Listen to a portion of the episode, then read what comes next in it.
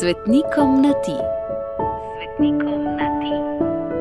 Razmišljanje Gregorja Čušina. Ljubi moj sveti Ignacij Lojolski. Če sem še tako moledoval, se jokal in kujal, ni pomagalo prav nič. Moji starši mi kot otroku niso hoteli kupiti nobene igrače, ki bi vse oddaleč spominjala na orožje. Nobenega revolverja, pištole ali puške, še loka ali mečane. Njihov otrok se že ne bo igral vojne, nikakor ne. Pa nisem bil edini.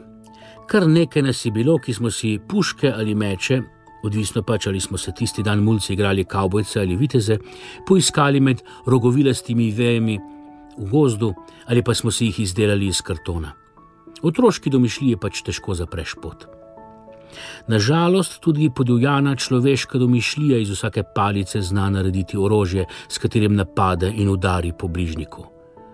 Kajen je v roke vzel kamen, udaril brata Abela, in od tedaj dalje je človeška zgodovina en sam žalosten, le redko prekinjen niz krvavega obračunavanja le kaj tiči v prsih in glavah ljudi, predvsem možakov, da že kot otroci sanjamo vojno. In ga skoraj res ni pobiče na tej naši preljubi zemljici, ki si ne bi vsaj zahipali dva zaželov, ko bom velik, bom vojak. Ta želja je gnala tudi tebe, ljubi moj svet Ignaci, čeprav ti oče namenil duhovniški poklic in si si želel viteške slave in časti in borbe, seveda.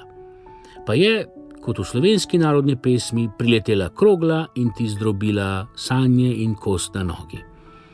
Dotična kost se je kasneje krivo zarasla in celjenje se je vleklo, ti pa si zdolg časa začel prebirati, ker pri roki pač ni bilo viteških romanov, življenje svetnikov, kar je vzbudilo v tebi željo po drugačnem junaštvu.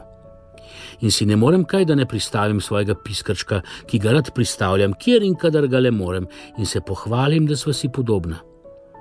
Tudi jaz sem si namreč kot otrok med igranjem vojne polomil kost na roki. Pa me ne mama, ne gips nista zadržala, da se nisem kak dan kasneje spet vojskoval, se valjal in prikopicoval, da imam tako še danes levo podlahnico krivo zaraščeno. Življenje svetnikov pa tudi prebiram, sicer ne bi ta trenutek klepetal s teboj. Le tisti preskok k drugačnemu junaštvu se še ni zgodil tisti preskok, ki je tebe spreobrnil in spremenil v svetnika. Tista božja iskra me še ni užgala, na to še čakam. Predvsem pa na to čaka ljubi Bog.